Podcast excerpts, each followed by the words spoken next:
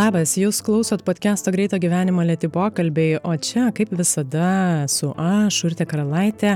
Šituose pokalbiuose mes su pačiais įvairiausiais pašnekovais kartu bandom geriau suprasti žmogų, kad galėtume kažkiek lengviau naviguoti save, savo santykius su kitais ir visų pasauliu, kas pasirodo ne visada yra taip paprasta. Kaip jau žinote, per šituos daugiau nei tris metus greito gyvenimo lėti pokalbiai tapo ne tik tinklalaidės pokalbiais, Socialinėse medijose mes vis sugalvojam kokių įdomių rubrikų, jas įtraukiam klausytojus, muzikos kuriejus. Praėjusiais metais visai drąsiai išleidome pokalbių knygų seriją.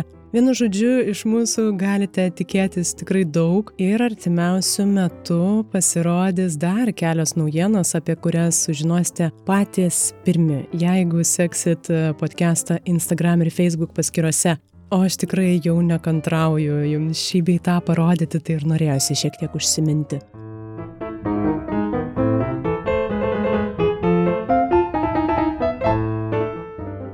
O šiandien mes kalbame su aktoriumi, lektoriumi, tikrai daugam žinomu, pažįstamu veidu ir balsu Andrium Žebrausku. Kalbamės mes e, apie improvizaciją gyvenime, nuobodulio vertę, klausimų jėgą, judesio ir proto bendradarbiavimą ir svarstom, ką galima statyti ant smalsumo, atvirumo ir žaismingumo pagrindo.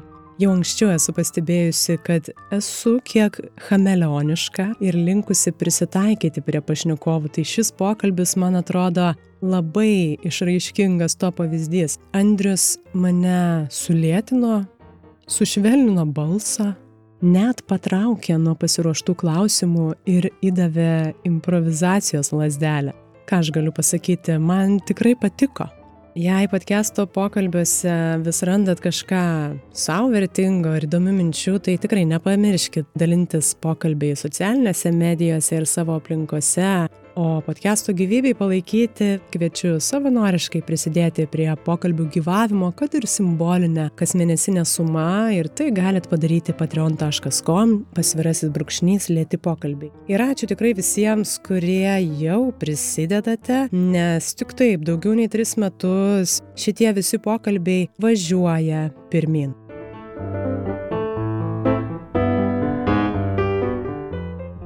Šį epizodą pristato audio knygų platforma audioteka.lt, o šiuo metu su kodu lėti pokalbiai visoms audio knygoms gausite 20 procentų nuolaidą. Ir beje, kas man tikrai labai patinka, visų knygų pradžios net iki 70 minučių galite pasiklausyti nemokamai. Keliaukim jau į šiandienos pokalbį su Andrium Žebrausku ir palinkėsiu įdomaus jums improvizuoto pokalbio.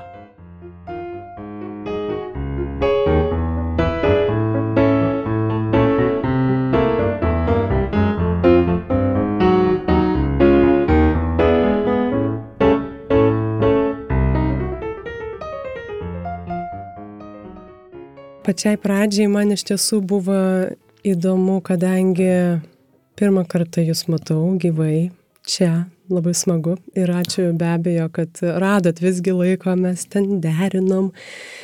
Tai tikrai labai vertinu tai. Ir man norisi tai be abejo truputį susipažinti su, su jumis, su Andriumi. Ir paklausti gal pradžiai, kas jums šiandien rūpi aš skaičiau, domėjausi įvairių kažkokių laikotarpių, mintis jūsų, bet šiandien jūs ateinat, va dabar čia esate. Kas man rūpi? Lėti pokalbį, tai galima pauzę daryti, laukti, kol ateis atsakymas. Taip. Kas man rūpi? Ekologija, klimato atšilimas ir taip toliau, taip toliau. Gal net įdomu, vat, kadangi jūs esate čia dabar ir atėjot vis tiek gal su kažkokiais šios dienos kažkokiam aktualijom, tai gal ir truputį lokalizuoti norisi. Globalinis atšilimas yra irgi čia ir dabar. O kas šiomis dienomis jūsų gyvenime tą tokį rūpestį teigiamą prasme Hmm Nu, Bet ne, neteina man taip iš karto, vat, kas, kas man rūpi. Labiau, labiau, kas mane domina, kas mano dėmesį patraukia. Man rūpi ir man smalsu labai panašus dalykai, nes, pavyzdžiui, dėmesys susideda iš trijų dalykų. Reikia būti čia ir dabar, jeigu nori skirti dėmesio. Šimta procentų, tarkim, kitam žmogui. Tai tu turi būti čia ir dabar, tu turi fokusuotis į tą kitą ir tau turi rūpėti jis. Arba tau turi būti įdomu iš jo kažką sužinoti. Tai labai panašiai, rū, rū, man rūpi ir man smalsu.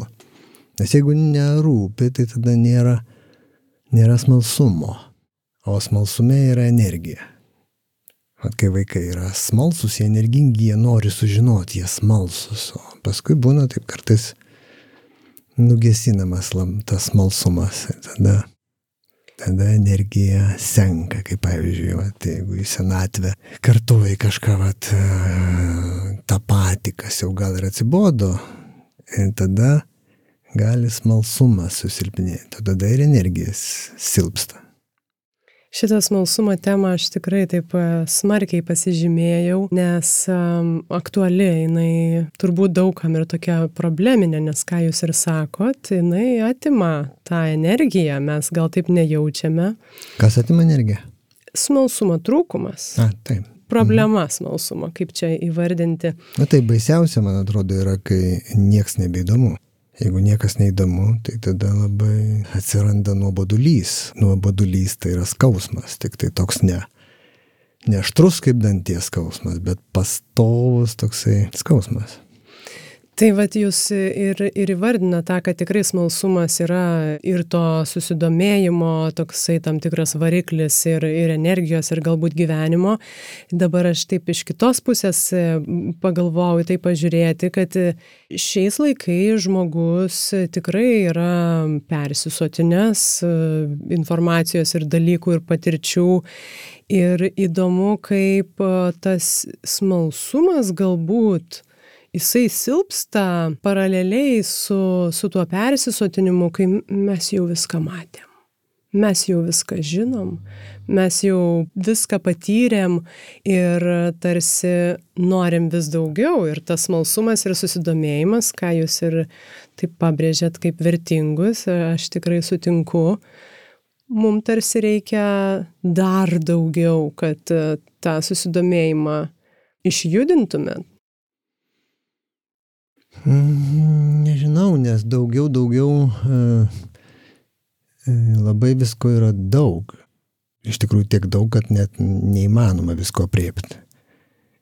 Išeina ten, tarkim, mokslinių kažkokių straipsnių, kiekvieną dieną 50. Kad būtent ant bangos ten mokslininkam reikia kiekvieną dieną perskaityti neįmanomą kiekį. Vis tik reikia atsirinkti, ką iš tų gerų straipsnių perskaityti. Ir aš galiu prisiminti senus laikus, praeito tūkstantmečio tarybinius, kai nebuvo to pertekliaus, kai ateidavai į knygyną ir tiesiog jeigu yra knyga, tu ją perki. O dabar būna taip, kad ateini ir tu matai, o ir tą, ir tą, ir tą, ir tą galėčiau pat ir tą, ir tą, ir tiek, tiek daug dabar nusipirkčiau, tai kad nepirk nei vienos, kol iš tikrųjų tu nerandi tos, kurios, kurią tu nori dabar skaityti. Ir Dabar yra svarbiausias, man atrodo, dalykas gebėti atsirinkti iš tos gausybės. Ir tą turėtų mokyti net mokyklose, ko gero, nes jeigu anksčiau buvo trūkumas informacijos, dabar reikia gebėjimo atsirinkti tuo pačiu mes ir galime daugiau ir patirti ir suvartoti. Na jūs knygas minit ir perskaičius na kaip jūs ir sakot pavyzdį ir tų laikų ir mano vaikystėj mes ten gavę kažkokią įdomią e, knygą vaikišką tai yra džiaugsmas didelis. Ir tas smalsumas ir susidomėjimas yra toksai labai labai stiprus. Dabar kai mes jau esam na ir vaikai galima irgi tą truputį pastebėt kad jie galbūt, na, tiek visko irgi matė, tiek visko skaitė ir žiūrėjo, kaip tai galbūt ir sulapina tą mūsų susidomėjimą, kai to kiekis yra didelis. Taip, dabar jaunimas greičiau informaciją nuskaito. Ir kai prieš 10 ar 15 metų reikėdavo perjunginėti kanalą televizijos, tai aš perjunginau taip, tikšt vienas, už sekundės kitas kanalas, tai jau Dukra perjunginama, tak, tak, tak, tak, tak, tak, va tai va. Bet ta informacija, jinai tokia pasidalino gabaliukais labai mažais. Manau, kad dėmesys sunkiai laikomas. Anksčiau, kai nebuvo tiek informacijos, buvo daugiau skiriama dėmesio tam tikram objektui, kurį tu stebi. Nuobodulį jūs patiriat? Na, jūs e, irgi dalyvaujat visoje šitoje ir informacijos, ir patirčių gausoje šiandien. Ar patiriat irgi tam tikrą persusotinimą galbūt? Ne, aš nuobodulio nepatiriu ir nesu persisotinęs ir netgi riboju tam tikrus dalykus, kuriuos dar norėčiau padaryti, bet dabar negaliu, tiesiog apžiot bet e, kartais aš ir tyrinėju, bandau, vat, nie, nieko nedarau absoliučiai ir stebiu, e, ar nuobodulys atsiranda ar ne. Ir jeigu jis atsirastų, tai aš jį patyrinėčiau. Įdomu, kad kol kas, kol kas aš jo nerandu net, nes galiu gulėti visą dieną ant, ant sofos ir žiūrėti pro langą į namo kampą ir man yra smalsu, kaip tie balandėliai atskrenda, išskrenda, kaip jie ten draugauja, vėl atsiranda informacija kurią tu stebi, nors atrodo, tada pradedi į lubas žiūrėti, kur nieko nėra, bet vis tiek nenuobodu, nes tada pradeda kristi idėjos, vaizdai ir taip toliau. Čia labai įdomu, nes jūs nupasakojat e, situacijas, kurios e, kai kuriem tikrai skambėtų labai nuobodžiai. Ta prasme, kad vat, nieko nevyksta, aš guliu ant sofos, aš žiūriu į namo kampą, nu gal kažkas atskrenda ten kaip išjudinti tą smalsumą aš galvoju tikrai galima pastebėt kad žmonėm reikia labai daug stimuliacijos be abejo mes vis labiau priprantame prie to kad mum daug duoda Ir vat tokios situacijos, kaip jūs sako, tiesiog pabūti ramiai, nebūtina visą dieną gulėti ant sofos, bet gal kažką dešimt minučių pastebėti pro langą.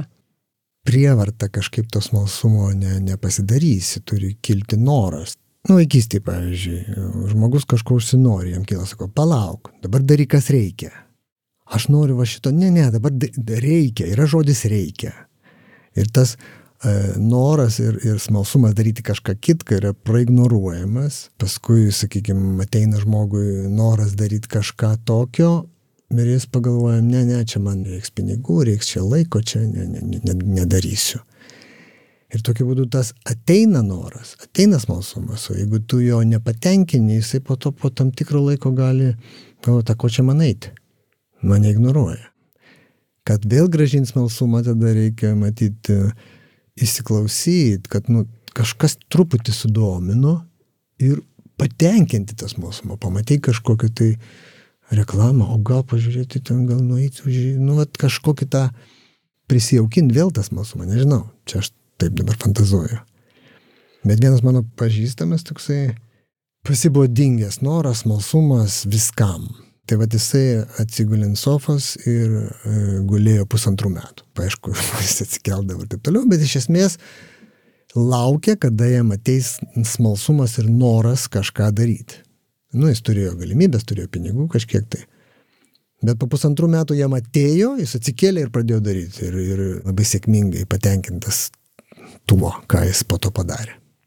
Čia įdomu iš tiesų, nes jūs, na, tokiu vaizdingu pavyzdžiu pusantrų metų e, gulėjimo ant sofos e, parodot irgi tam tikrą situaciją, kai, kai žmogus gali vat, pajusti, kad, na, dabar iš tiesų jam gal nelabai reikia tų stimulų, gal man nelabai dabar kas įdomu, gal man reikėtų pagulėti ant sofos, gal pusvalandį, gal dieną bet tam tikra inercija tarsi norėtų tave varyti, taigi ne, taigi, taigi tu turi dalyvauti arba patirti ar kurti kažką.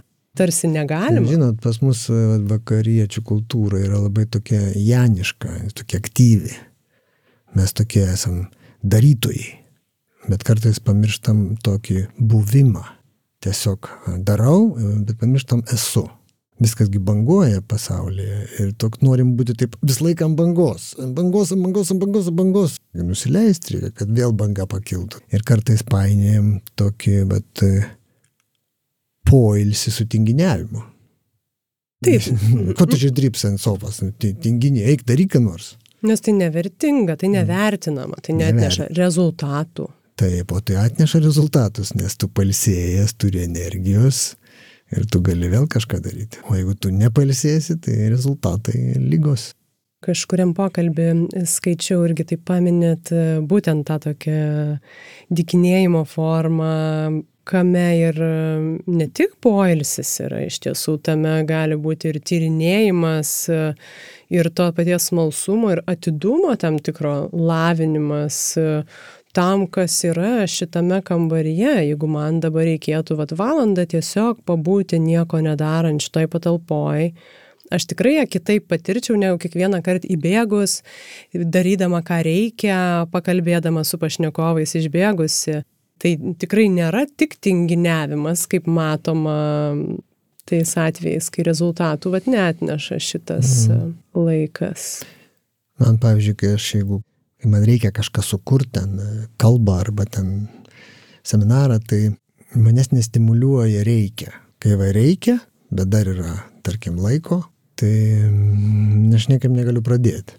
Galvoju, ai, dar daug laiko, tada aš užsimsiu, net pagulėsiu, palsėsiu. Ir tada man tiesiog pagulėjus iškart pradeda kristi informacija, sakysim, iš kito seminaro visai. Bet ten tiesiog krenta ir tau reikia tiesiog pagulėjus atsistoti, užsirašyti ir, ir, ir padaryti viską tas toksai atidėliojimo dalykas man padeda. Aš anksčiau vis galvojau, kaip čia dabar netidėlioti, bet aš suprantu, kad vat, atidėlioju iki tam tikro laiko, kai tikrai nebėra laiko daugiau, tada man viskas, reiškia, mobilizuojasi visas organizmas ir puikiausiai viską padarau. Tuo pačiu, ką jūs sakote, ypač kūrybiniuose procesuose, ką aš irgi esu patyrusi, kad reikia skirti erdvės tam tu negali dabar atsisėsti, vad reikia ir, ir kažką tai padaryti, sukurti. Tam reikia erdvės ir galvoj, ir aplink, ir, ir laike, visom prasmėm. Aš tą irgi turbūt esu pastebėjus. To ir tam tikro nurimimo, kai, kai tu dažnai ir sakoma, atrodo, kad prieš pat užmiegant, pavyzdžiui, yra tas momentas, kur mes esam dar ne toj būsenoje. Arba, arba tik atsibūdus, tas toks tarpinis. Taip. Bet aš tai, aš tai vadinu kūrybinę būseną. Ir seminarą, va, aš irgi taip jį kuriu dabar po, po truputį, dar kol kas man jisai ne, ne pirmoje vietoje, jis ir vadinsis kūrybinė būsena. Kaip įeiti kūrybinę būseną savo. Kiekvieno gali būti kitokia kūrybinė būsena, įėjimas į būseną. Vienam gal, tarkim, rašytojui reikia atsisėsti prie stalo tą pačią valandą ir rašyti. Ir tuo metu, jam berašant, ką jis berašytų, po to ateina ta kūrybinė būsena arba neteina. Man aš pastebėjau, kad yra du variantai. Vienas man reikia judėti. Aš, aš judu tiesiog vaikštų ir pastebėjau, kad tiesiog, jeigu atsėdi reikia, tu pradėti dėlioti, tu nueini arbatos pasidarai, nueini pro langą pažiūri, dar kažką, tu jau automatiškai pasąmoningai net judi. Bet dabar aš jau sąmoningai kartais jungiu muziką, pradedu šokti, judėti, išsijudinti. Ir tada ateina. Arba, arba tas toks gulėti prie stalo atsisėdus ir reikia daryti rašyti, niekada. Nes matyti įsijungia programos kažkokios mokykloje, va, kad prie stalo reikia dabar įjungkit vaizduoti ir darykit kažką. Ir iš karto atvirkščiai sublokuoja viskas. Tam tikrą įtampą galima įsivaizduoti, na, iš to, ką jūs ir sakot, iš to reikia, kad aš dabar sėdžiu ir va dabar reikia ir aš labai turiu mhm. stengtis tą padaryti, tą išstenėti tam tikrą mhm. prasme, kas, kas man tikrai sukelia įtampą. Tai va, kol nėra noro, nereiks tenėti, reikia palaukti, kol jis norės. Taip, čia labai įdomus procesai. Aš noriu truputį dar grįžti, smalsumas, vaikai, mes visi esam su tuo susidūrę, matom vaikus aplink, kaip jie veikia, kaip jie viskame pagimdo nuotykį, įdomumą. Ir tada, ką mes jau apkalbėjom, kažkaip suaugusiuose tas tarsi ir nebegalima, vat, to tokio nuotykio ir klausinėjimo ir smalsumo tarsi tai netinkama ir mes tar, jau ir patys atprantam. Kaip jūs šitą matot, kodėl tai vyksta? Kodėl vat, suaugęs jau nebe, nebegali būti toks? Jisai gali ir, ir būna, ir yra daug žmonių, kurie išlaiko šitą smalsumą. Ir e, pasidaro tai labai paprastai. Jeigu vaikas smalsus, jisai užduoda klausimus spontaniškai, jis nesiuošia, jam kilo klausimas, jis užduoda. Ir jeigu jo autoritetas, ar tai būtų tėvai, ar, ar, ar mokytojai, nesvarbu, Jeigu jie nepažiūri į tai atidžiai, o pavyzdžiui, dar, jeigu dar e, tokia kokia nors patyčia gali būti smulki, tipo, nu kas čia per klausimai, arba, nu, tai tu pagalvok prieš klausdamas tokia, nu, nu ką tu čia nesąmonės klausi. Ir tokiu būdu užgesinamas tas. Nes žmogus pajunta tada emociją, nemalonę emociją, kai jam tai pasako, ir jisai nenori, kad vėl ta kiltų emocija, todėl jis neklausia. Galva, gal kiti tegu paklausia, aš pažiūrėsiu. Ir tos programėlės jos įsirašo vaikystėje ir pato nešam jau būdami suaugę. Ir tas toksai, kad negalima klausti, tai užsideda, galima viskas. Viskas galima, klausti visada galima, gali to atsakyti arba neatsakyti, čia jau kitų reikalas. Aš dirbau vat, su Lietuvos publika ir, ir su, su rusais nemažai anksčiau, iki pandemijos dariau seminarų. Tai, pažiūrėjau, pas rusus nėra šito negalima. Jeigu vat, reikia klausimų, tai jie užberia klausimais. Klausimų turite? Užkrauna klausimai. O lietuviai, ar, ar yra klausimų? Nėra, bet per pertrauką individualiai ateina paklausti. Aš vat ir norėjau truputį ten pakreipti, kas čia vyksta tada, nes viena tai taip mes minim vaikus, be abejo, kad jeigu jų autoritetai kažkaip ne, nepalaiko, neišgirsta e, tų, tų klausimų ar, ar net ir kažkokių pasakymų kvailokų, Bet ir suaugusiam juk yra tokia bendra, vat, nerašyta nuostata, ypatingai jeigu vat, vieša erdvė ar ne, esate seminare, galima užduoti klausimus, juk aš turiu kažką labai teisingai, protingai pasakyti, aš negaliu tarsi sauliaisti kažko kvailo paklausti. Sakau, programos veikia iš vaikystės, tos pačios. Todėl vienintelis būdas taip sustoti ir pagalvoti apie tai ir tada leisti savo klausti.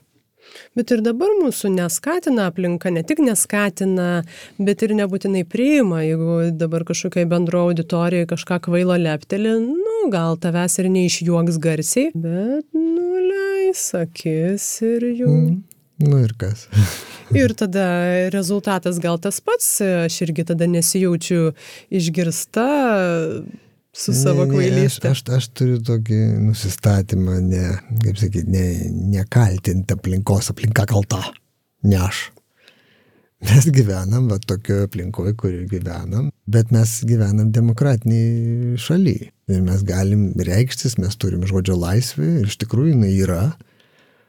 O kad žmonė, žmonių nuomonės yra skirtingos ir skirtingi požiūriai ir taip toliau, tai viskas ok. Jeigu aš kažko paklausiu ir man atsako, ok, jeigu aš paklausiu, man neatsako, ok.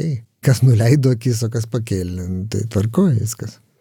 Be abejo, tai mano tikslas gal ir nėra perkelti atsakomybės į, į aplinką, bet tai pamatyti ir, ir tą vat, užsuktą tokį procesą, kas irgi ne, neskatina to laisvumo. Kaip jūs ir sakote, taip, žodžio laisvė, demokratinė visuomenė turėtų mus priimti visokius, bet čia aš ir atsuku ir iš, iš mano pusės, iš mūsų pusės, kaip mes patys e, reaguojam, jeigu mūsų vat, kažkokioje kompanijoje kažkas kvaila klausimą lepteli. Tai čia lygiai taip pat man pačiai gera proga pergalvoti, ar mes e, nelinkę va, taip tikėtis, kad, na jau čia visi elgsimės kaip suaugę žmonės. Aš tai skatinu, skatinu uždavinėti bet kokius klausimus ir, ir kvailas klausimas apskritai įdomi savo, ką reiškia kvailas. Jeigu kilo klausimas, žmogus paklausė. Vat ir yra pradeda apie tai, čia kvailas klausimas protingas. Ir kartais tada būna, aš noriu paklausti kažko, bet neklausiu, nes formuluoju, kaip čia man protingai paklausti, kad aš atrodyčiau protingas. Kilo klausimas, klausiu, kad būtų atsakyta, viskas. Aš labai mėgstu klausimus ir todėl man bet kokie klausimai patinka, nes tada jie nu, kaip siekla įkrenta į tave ir tu tada, jeigu žinai, tu atsakai, jeigu ne, nežinai, tu pradedi atsakinėti. Tikėdamasis, kad sužinosi. Kartais, jeigu jau tu atsakinėjai ir neteina tas sužinojimas, tada sakai, nu atsiprašau, nežinau. Klausimas padeda tau suformuluoti, sukonkretinti tai, kas tavyje kaip jau ir yra, ta požiūris ten, e, santykis ir taip toliau, bet tu jį bet sakinėdamas sudėlioji žodžius, suformuluoji sakinius. Ir ilgoje perspektyvai gal tik taip ir gali formuotis kažkoks mūsų požiūris, nes e, gali būti e, klausimai, kurių mes atsakymų nežinom dabar ir aš negaliu jo nei kiek atsakyti, bet tai jau kažkokią kryptį brėžia kur be to klausimo mano mintis net nebūtų nuėję ten galbūt. Taip, taip. Ir aš jau nuo to galiu ten truputį pamastyti. Tai čia tikrai įdomu, aš taip ir pokalbėse su tuo susiduriu, kur, kur tikrai kartais būna tokie platus klausimai, kur mes su pašnekovu žinome, kad mes dabar čia jų neatsakysime bet mes kitaip ten išvis nenueisim, jeigu ne, nepajudėsim tą kryptim. Tai čia tikrai man irgi labai įdomios temos.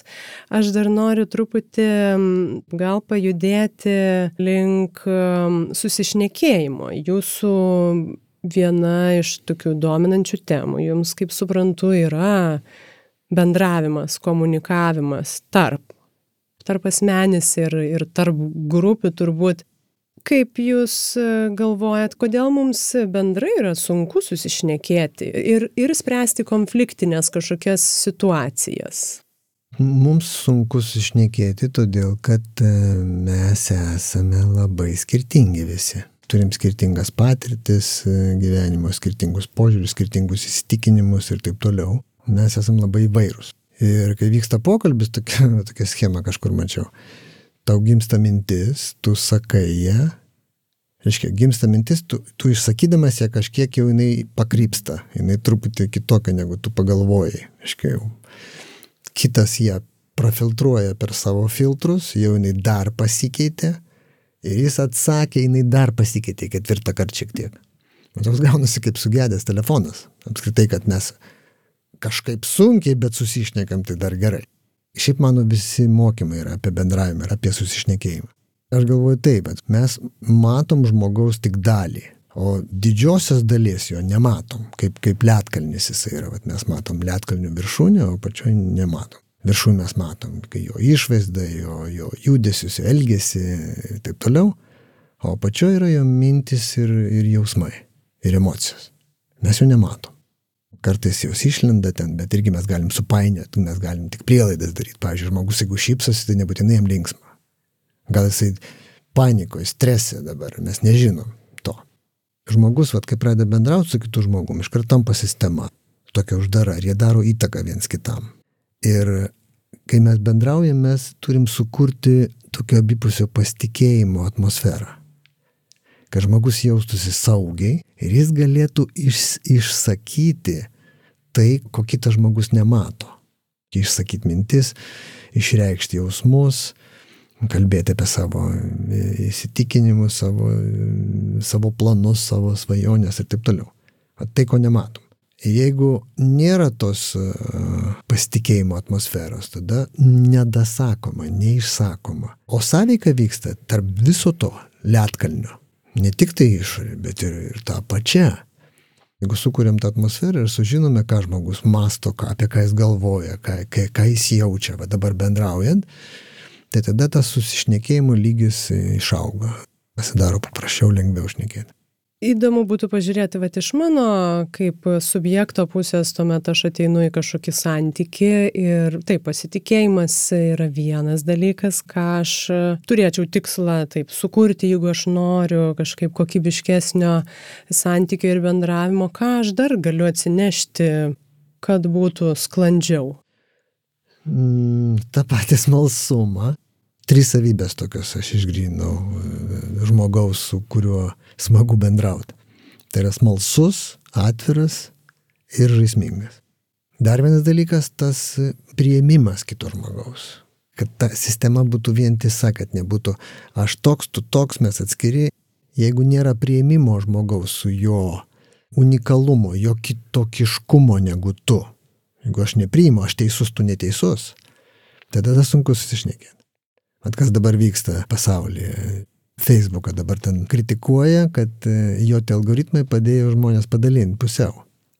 Nes tie, kurie buvo linkę į radikalumą, jie radikalėja, kurie į kitą pusę, reiškia, jie vėl, e, nes meta tai, kas tau įdomu, tie algoritmai.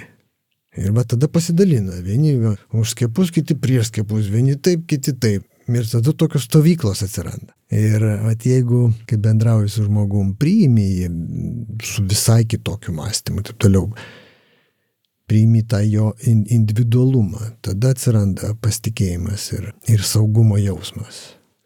Kaip tada konfliktinėse situacijose, nes jūs prieš tai minit smalsumą, žaismingumą, taip, bendravime tas tikrai tokios dinamikos ir įdomumo atneša.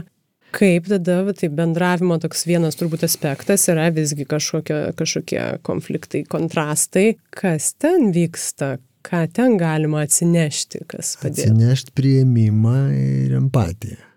Bet tie žmogus, pavyzdžiui, turi kažkokią problemą, jam kažkas ne, ne, nepavyko, siuntinys neatėjo, turėjo ateiti ar dar kažkas, nu nesvarbu. Ir jis atėjo supykęs. Emocija kyla nuo, nuo krūtinės į galvą ir jisai, aš vadinu, kad va, žmogus, kai smarkiai emocionaliai sujaudintas, jis tampa toks beprotis šiek tiek. Jisai nuprotėja, nes emocijos užtemdo protą jeigu aš ne, neturėsiu at, atjautos visiškai, sakysiu, ne, mes čia viską gerai padarėm, čia ne mūsų reikalas. Tada jisai dar labiau pasiūs ir taip nebus išspręstas konfliktas. Bet jeigu aš visų pirma jį priimsiu su visu, nu, netgi jeigu jis man sakys, jūs čia nieko neišmanot, jūs čia taip toliau, aš jį priimsiu, nes, nu, jeigu, pavyzdžiui, žmogus beprotis, tai nepyksit gent jo.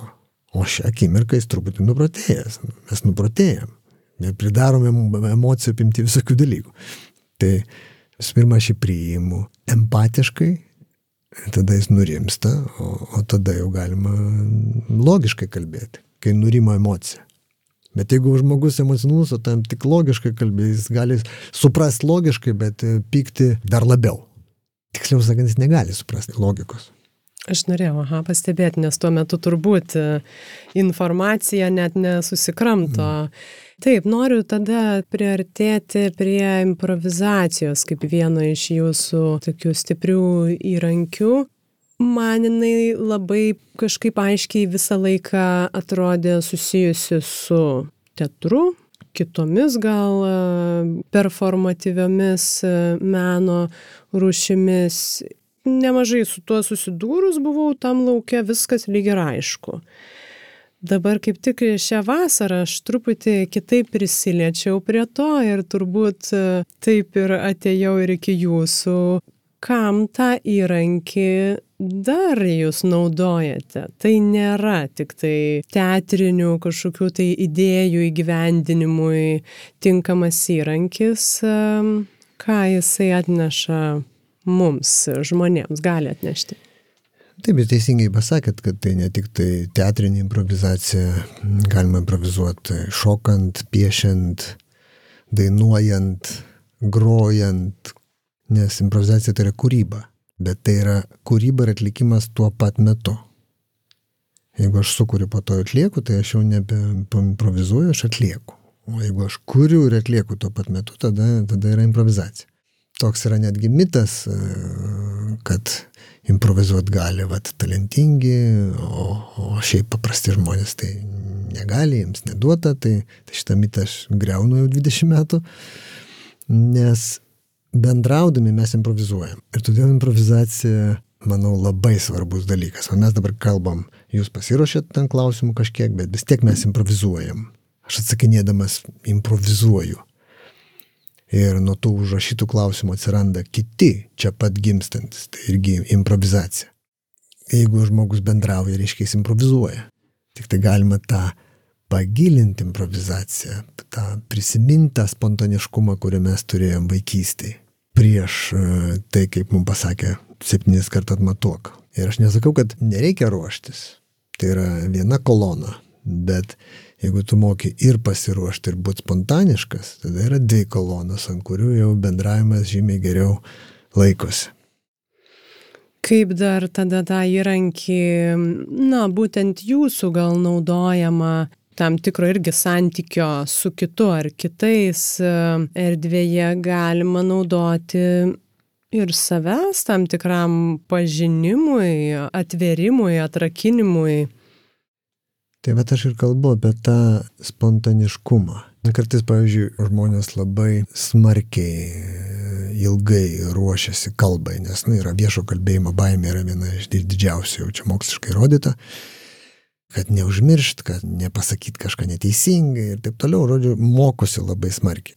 Bet galima, m, mokant improvizuoti, pasikliauti tuo, kad tu, jeigu turi mintį, jeigu turi jausmą, tu gali ją čia pat įvilgti į žodžius. Pavyzdžiui, sakant, tostą, galima pasakyti tostą paruoštą.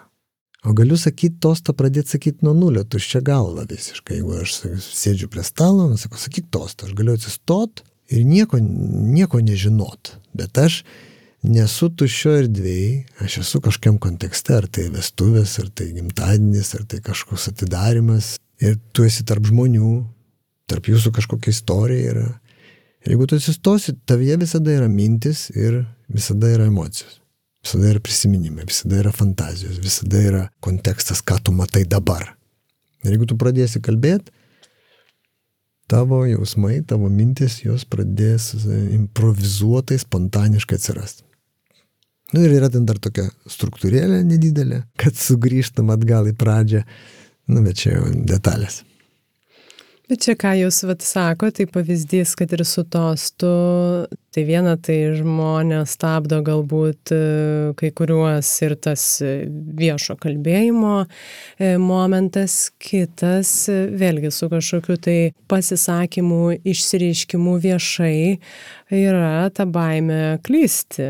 Taip. Na, tikrai mes visi tą turime ir ką jūs dabar ir iliustruojate, kad tuo momentu, kai aš improvizuoju dabar šitą kalbą viešai ir kažką sakau ir, nu, nelabai ir sklandžiai, gal šiaip viskas vyksta, bet gal ir nukrypau ir nelabai jau čia kažkaip va tas rezultatas. ką aš noriu pasakyt kad be abejo kad yra toksai lyg ir polinkis vis tiek įvertint tą rezultatą. Ir galbūt tas improvizuotas rezultatas lyginant su parašytu sklandžiu tekstu nu, jis niekada nebus toks sklandus. Tai vėlgi aš ne, ne, nesupraskit, kad aš prieš ruošimąsi, ypatingai jeigu čia kažkoks vienas iš prezidentų pasakė ir aš su juo sutinku Amerikos, tiksliai net kartosiu, bet esmė tokia, kad jeigu man reikia kalbėti valandą, tai aš galiu kalbėti iš karto. Jeigu ten 20 minučių, tai man reikia ruoštis dieną. O jeigu 10 minučių, man savaitę reikia ruoštis. Nes ten nebelieka laiko improvizacijai. Tai be abejo, aš tikrai e, nebandžiau kažkaip prieš pastatyti, kas čia geriau, ar tai pasiruošimas, ar improvizacija. Tik tai įdomu turbūt, kad žmogus yra linkęs ir tai savikritikai, ir to rezultato siekimui. Taip abstrakčiai kalbant ir sunku čia lyginti. Žinoma, jeigu mano tikslas yra dabar per minutę pristatyti kažkokį savo idėją, tikrai labai koncentruotai, turbūt aš norėsiu pasiruošti, bet ką jūs prieš tai kalbėjote tosto to net atveju, vis tiek žmonės bijo ir susimauti, ir ne tai pasakyti. Susimovimo baimė yra didžiulė, bet va, tas e, antras ir trečias savybės tai yra atvirumas, labai svarbu, ir žaismingumas. Bet turbūt, va, sakant, tostą atvirumas tai patiekalas, o, o žaismingumas turbūt prieskonis tik tai. Nes, at jeigu tu, sakykime, sakydamas tostą, tu jauti vieną, Nu, bet netgi tu pasiruošiai sakyti tos, tu va tos žodžius pasiruošiai, bet jie buvo vakar. O šiandien tu jauties kitaip. Ir tu sakai tuos žodžius vakarykščius, o jie pykstasi su tais jausmais, kurie yra dabar tavyje. Kai aš netviras, aš tada esu kaip ir, mm, nu, truputį meluojantis. Jeigu aš, pavyzdžiui, nusprendžiau, kad pradėsiu kalbą, malonu jūs visus čia matyti. O jeigu man nemalonu, Tada bus šypsena, jinai bus dirbtinė, malonu matyti. O gal man dabar panika apėmė ir man išdžiuvo gerklė iki pilvo. Ir aš noriu vandens, aš sakau, malonu matyti. Nu, tai reikia geriau sakyti, man vandenuko duokit atsigerti, išdžiuvo gerklė iki pilvo. Tvirai pasakai. Tai geriau taip, atsigeri ir praėjo tas, tu neslėpi, kad tau dabar va taip yra ir, ir tada paprasta, nesureikšminėt. Vienas iš jūsų e, sukurtų įrankių, turbūt galima irgi tai pavadinti, būtent e, dirba su ta baime žmogaus susimauti. Kodėl jūs matot e, svarbą tą išjudinti vat, žmoguje, kur mes visi kažkiek to turime? Todėl, kad tas vat, susimovimas yra dalis gyvenimo. Klaida. Tiesiog tai yra natūralu. Jeigu tu mokais, tu aišku, kad klysi. Tu nepadarysi visko iš karto. Jeigu tu bendrauji, tu be abejo susimausi, klysi, tu nepataikys kažkur, arba pataikysi kažkokią programą žmogaus visai netikėtai, kai jisai pasikeis jo veidas ir taip toliau. Neįmanoma neklysti. Pripažinti, kad ta klaida yra natūralus dalykas ir kad iš jos tu gali pasimti grįžtamą ryšį. Visi tie žmonės, kurie daug darė ir daug pasiekė, jų pasisakymai raštai mirga citatomis, kuriuose klaida ir sėkmė yra vienoje dėžutėje. Todėl šita kliūtis tokia, jinai galvoje yra dažniausiai, nes kuo tu labiau bijai susimauti, tu labiau susimauni, nes tada atsiranda įtampa ir tas susimovimas tiesiog padažnėja. Tai kuo tu mažiau bijai susimauti, tuo tu mažiau susimauni. Taip, ir čia iškart prieš pastatoma tam tikra prasme irgi improvizacijai. Kuo tu labiau jauti tą įtampą ir bijai susimauti, tuo tu mažiau turbūt improvizuoji. Taip. Ir tuomet sunkiau galbūt priimi, kas ateina, kas Taip. vyksta. Taip. Čia irgi gal norėčiau pažiūrėti būtent improvizacijos tos e, įprastesnės, e, kaip čia, teatro, galbūt klaunados e, profesionalų daugiau naudojamas, kur yra kažkokios interakcijos, kur mes turim priimti situacijas ir, ir, ir juose veikti, pratesti. Ir čia yra tokia kažkaip man labai tokia aiški paralelė su, su irgi mūsų tarpusavio kažkokiu bendravimu ir tokio lūkesčio atmetimo, prieimimo, kokia situacija ateina, bet realybėje mums tas labai sunkiai kartais sekasi, atrodo, kad e, improvizuoti ir vat priimti mesteltą kažkokią istoriją ją pratesti mes galime žaisti, bet nusileidę į realybę, nors ir norėtume galbūt mokytis iš šitų pratimų, prisitaikyti lankščiai, mums sunkiau sekasi. Čia aš manau, kad reikia tiesiog tokio turėti mm, ketinimą tai lavinti. Suprantat, kad, pavyzdžiui, bendravimas yra improvizacija. Ne, aš turiu girdėti kitą žmogų, priimti jį kaip e, individą, būti smalsiu jo tam, kai jis kalba ir taip toliau. Turi turėti tokį ketinimą, būti čia ir dabar, kai improvizuojame, būnam čia ir dabar. Dažnai žmogus, bet pavyzdžiui, jūs dabar ne šimta procentų buvot šią akimirką, jūs buvot pusę jau tam sekančiam klausime, ne, o po pusę su manim, nu, okei, okay, man užtenka. bet Aš papasakosiu istoriją, tokia viena mano klientė sako, ką man daryti, aš taip gerai pasiruošiu susitikimui.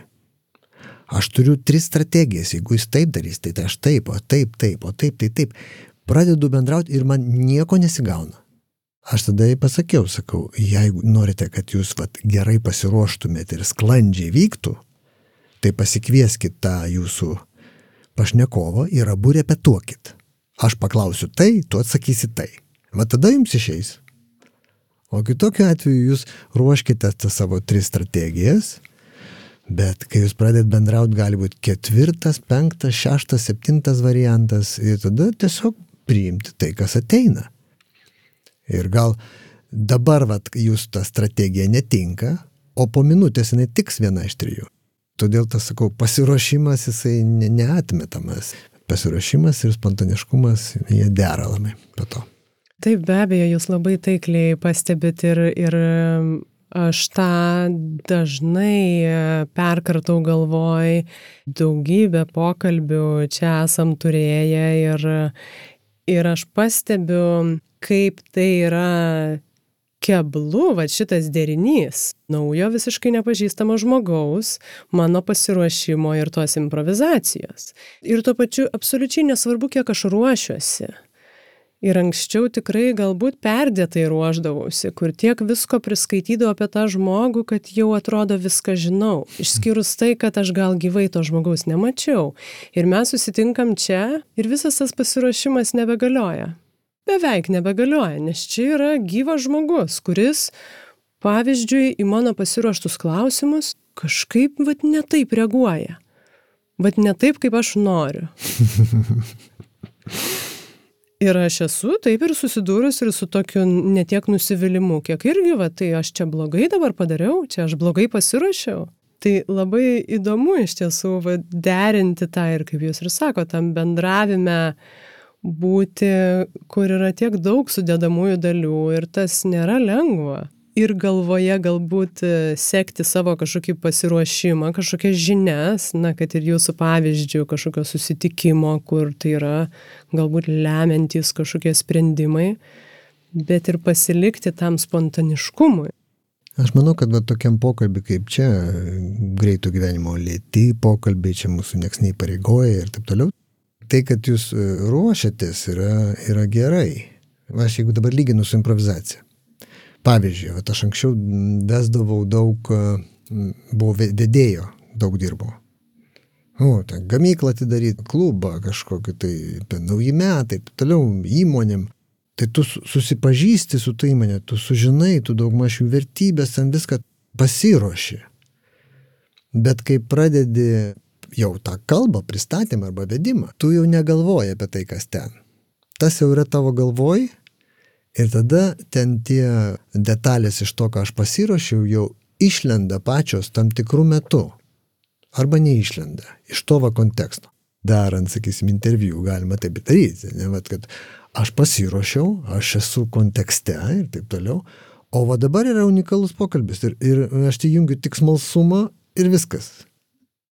Taip, taip, tai jūs visiškai teisus ir aš tą turbūt e, visų tų laidų procese ir pastebėjau, kad e, tik pasiruošti neužtenka. Tik pasiruošti ir būti čia vat, e, pasiruošus, nes greičiausiai mano visą tą lūkestį sudaužys kokia nors nukrypusi nuo mano plano pašnekovo mintis, išmuš mane visiškai iš vėžių ir, ir tada bus ilgas me, kurį be abejo galima iškirpti. Bet e, neturiu tokio tikslo, taip, sukurti čia kažkokio tobulo, paruošto, surepetuoto, kai tai nėra taip. Man įdomu truputį ir grįžti, nes jūs pačioj pradžioj truputį užsiminėt būtent apie kūrybinį procesą ir judesi, kad jūs e, naudojat e, tą formą tuo metu. Ir taip pat e, jūs kalbat apie tai, kad šiandien šiais laikais, kaip, kaip be pasakysi, protas e, galbūt yra kiek sureikšminamas ir, ir tam tikrą prasme atskiriamas nuo mūsų kitų dėmenų. Ir čia norėtųsi gal ir pažiūrėti į tą vat, jūsų pateiktą pavyzdį, kūrybinėme procese jūs turit kažką sugalvoti, sukurti savo, savo galvą naudojantis ir tuomet jūs pasitelkiat kažkokį tai jau visai kūnišką formą artėti prie to. Kaip jūs jungiat šituos vad du tuomet e, žmogaus dėmenis? Kaip čia pasakyti dabar, bet įdomus klausimas. Jeigu aš e, turiu, sakykime, temą kažkokią ir man reikia išrefleksuoti, va, tai yra kažkas toksai chaotiškas, dar nesusiformavusi mintis ar, ar forma, kaž, kažkas tai tokio, va gemalas kažkoks. Tai tada duodi uždavinį kaip ir pasąmoniai ir tiesiog pradedi šokti. Užsileidi muziką ir pradedi šokti ir paleidi tai, ne, ne, negalvoji apie tai. Bet kadangi sąmoniai duotas uždavinys, jinai jau dirba. Be tavęs. O tu šoki. Ir po to būna, kad pradeda, up, išlindinėjau, forma tokia aptvarkyta tavo atsiranda. Ir po to šoki šoki, gal ateina momentas, kai tu, tu jau nori užrašyti. Tada tu eini prie stalo ir padarai tos štrichus kažkokius, užrašai, ką tu, ką tu ten darysi. Dar chaotiškai, iš pradžių viskas kūriama, kas tik atsiranda, metama, viską į krūvą, betvarkė, čia tas, čia tas, čia visiškas chaosas ir tu bet kokį kvailą mintį ar dar kažką, kuri šiek tiek siejasi, tu ten meti, meti, meti ir po to va tą... Ta, gali ir ateiti ir bandyti daryti tvarką iš jo. Mane, tu, tas vat, kūrybinis rezultatas, matyti, yra tas chaoso suvaldymas. Įrėmintas chaosas. Tvarka iš chaoso. Kodėl būtent judesys, kaip Jūs manot, na tai vienas be abejo iš įrankių, bet tas vad jungimas, neįsidarbinimas tik tai galvoje ir prote, kaip jūs matot tą procesą ir aš kaip suprantu, čia gal būtų įdomu pažiūrėti, na, kadangi jūs vat, ir šokį ar kažkokias kitas e, kūniškas praktikas e, e, kažkuriuo metu gyvenime atrado, kaip keitėsi tas jūsų gal ir, na, darbas bendras ir, ir proto, ir, ir kūno. Jo, čia turbūt yra taip, kad logika, logiškoji dalys smegenų tai, ką mes labai vertinam, logika. Ten kūrybos nėra iš vis. Jisai tiesiog e, netam skirtas. Jisai skirtas analizuot, planuot, e, bet jinai labai, nu, jinai tokia labai valdinga. Ir jinai nori visur dalyvauti. Netgi ten, kur jinai dalyvauti negali. Visos idėjos, kurios kyla iš logikos, jos yra plokščios, jos yra apie tai, kas buvo. Ir jų nedaug. Nes, nu, jos banalios, jos nuvalkėtos ir taip toliau. O ta kita dalis, ta, kur yra kūrybinė dalis, jinai, jinai nelogiška. Ir ten yra begalė informacijos. Ten viskas yra nauja. Todėl matyt tas judesys, jisai neleidžia šitai logiškai daliai dominuoti. At jeigu tu, pavyzdžiui, šoki kairė dešinė, kairė dešinė, kairė dešinė ar koja, ne, ten toks chaoso šokis yra. Kairys dešinys pusrulis, jis nespėja jis nori, tai tu atsistok arba kairiai, arba dešiniai, o kai yra kairiai dešiniai, jisai pasimeta, tada galva atsipalaiduoja, atsiranda vietos joje ir ją krenta kažkas naujo iš ten ateina, iš kitur, ne iš logiško centro. Įdomu iš tiesų, kad šiais metais aš ir pati vėl kažkaip artėju prie tų kūniškų tokių praktikų ir labai jaučiu savo pačios turbūt intuityvų poreikį iš galvos išeiti į kūną. Kad mano galva dabar norėtų truputį perduoti vadelės kažkam kitam. Tas dualumas toks labai aiškiai pasijunta tuo met kai apjungiam ir tą ir tą naudojam, kai nedirbame tik galvą, o kūnas yra, na, mus nunešti, nežinau, pamaitinti fiziškai ir taip toliau. Tai čia įdomus labai atradimai gal dar noriu truputį grįžti prie noriu ir reikia, ką jūs e, pradžioj minėjot, kaip e, dabar tarp šitų balansuojat.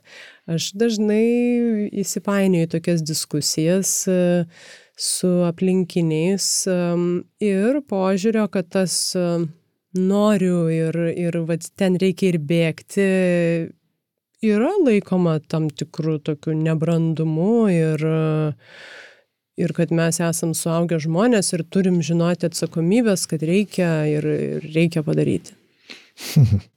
Žinau, tie žodžiai e, reikia, privalai ir jeigu jie ypatingai skamba iš ko nors kito, kuris tau pasako, kad tau reikia, tai nelabai mane motivuoja.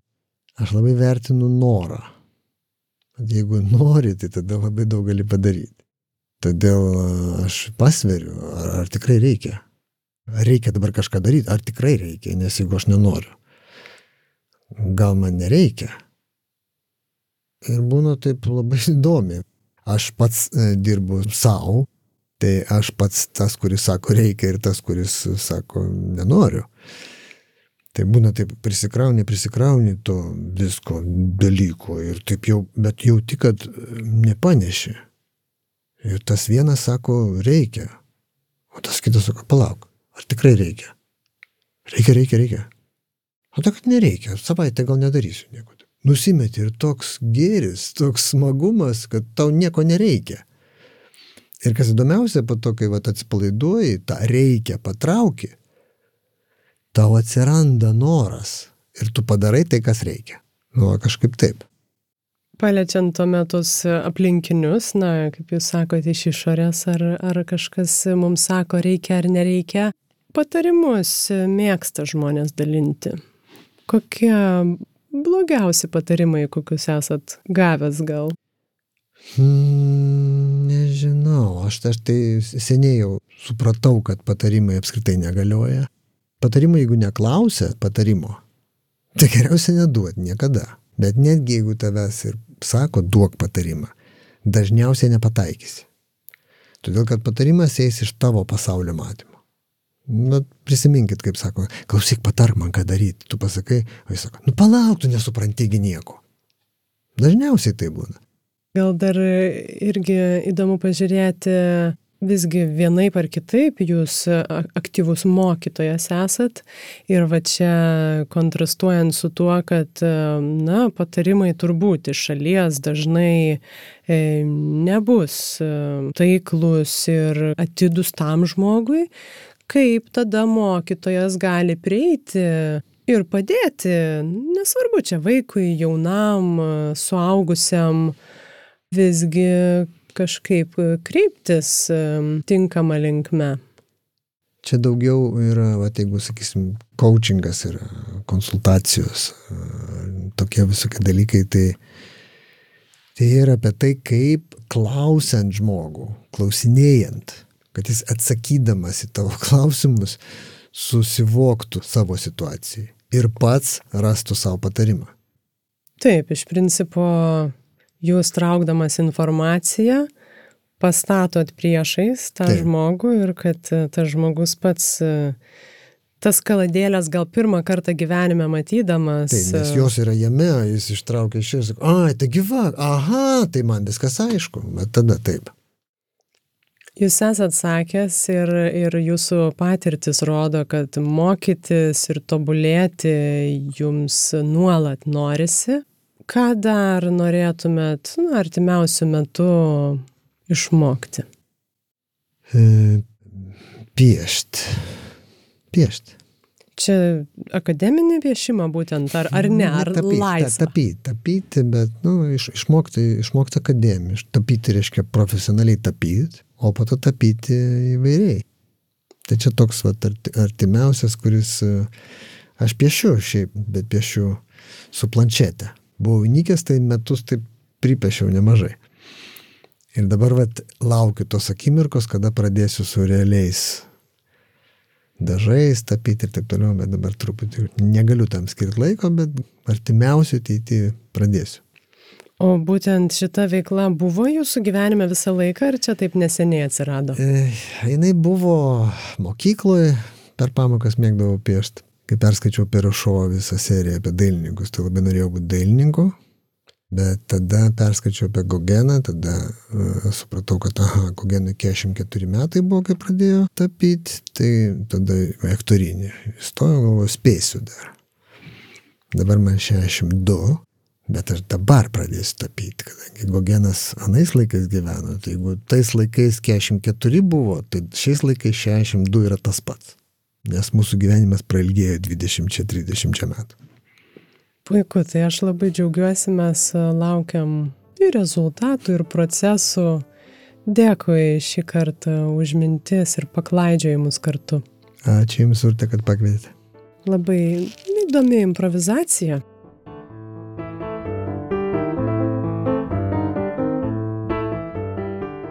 Ačiū, kad e, ir vėl mintimis improvizavot kartu su mumis. Man šis pokalbis buvo toks tikrai labai įdomus, atidus pasižiūrėjimas iš tiesų ir į podcast'o pokalbių procesą, kuriame aš tikrai gerokai įsipatoginusi ir įsivažiavusi ir buvo įdomu kartu pasvarstyti ir pastebėti, kaip tie pasiruošimai ir improvizacijos gali veikti kartu.